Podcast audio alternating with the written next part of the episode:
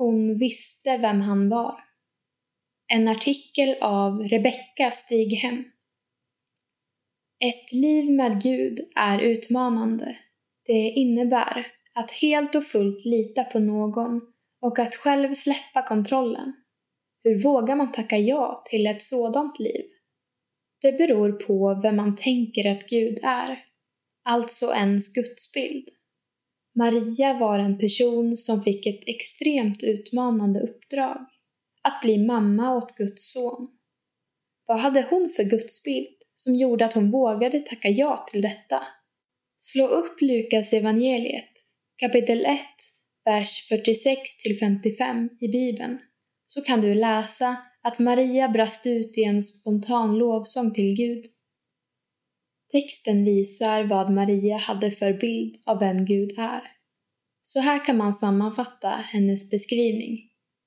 1. Gud är godhjärtad och bryr sig om oss som känner oss små. Maria tillhörde Israels folk, som alltid hade varit en utsatt folkgrupp. Israeliterna visste att det var Guds omsorg som gjort att de inte hade blivit helt utrotade under historiens gång.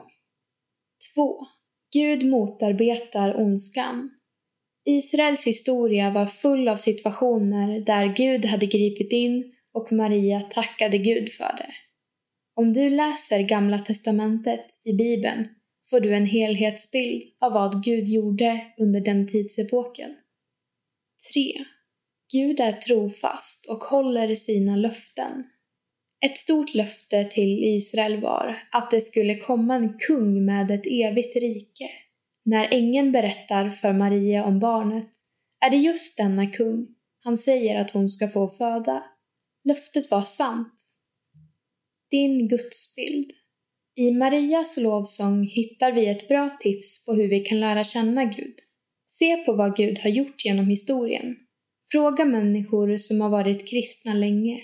Lär dig vad Bibeln säger om honom.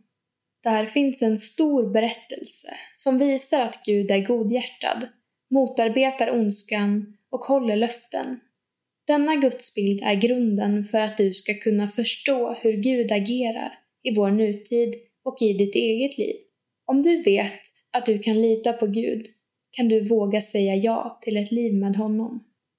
Extra Marias lovsång har också det latinska namnet Magnificat och har blivit tonsatt av många kompositörer, bland andra Bach. I Första Samuelsboken kapitel 2, vers 1-10 finns en annan lovsång av en annan kvinna. Ser du likheterna mellan den texten och berättelsen om Maria? En nyckel till att förstå vad Gud gör i Gamla testamentet finns i Femte Mosebok kapitel 7, vers 6-8.